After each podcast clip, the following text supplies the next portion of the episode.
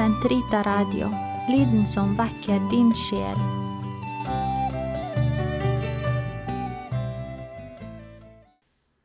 Den katolske kirkes katekisme, fredag, uke 25. Paragraf 2087 til 2089. Troen.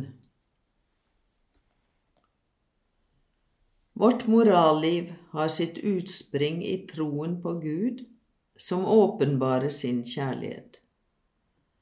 Den hellige Paulus taler om å gi seg inn under Gud i tro, som den fremste skyldighet.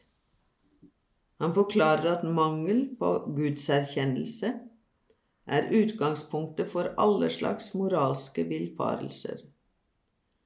Vår skyldighet overfor Gud består i å tro på ham og vitne om ham. Det første bud krever av oss at vi nærer og bevarer vår tro med klokskap og årvåkenhet, og forkaster alt som står den imot. Det finnes forskjellige måter å synde mot troen på. Overlagt tvil angående troen ser bort fra eller nekter å holde for sant det som Gud har åpenbart, og som Kirken fremlegger. Ufrivillig tvil betegner å nøle med å tro. Det vanskelige å overvinne innvendinger mot troen, eller også den engstelighet som stammer fra troens uklarhet. Dersom tvil med viten og vilje pleies, kan den føre til sinnets forblindelse.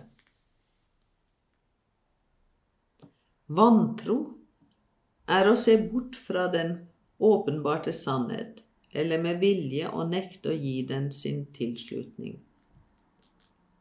Heresi, kjetteri, er hårnakket fornektelse etter dåpen av en sannhet som må tros med guddommelig og katolsk tro eller hårnakket tvil angående en slik sannhet. Apostasi, frafall, er total forkastelse av den kristne tro. Skisma, splittelse, er å nekte å underkaste seg under paven eller fellesskapet med de kirkens lemmer som er lydige mot ham.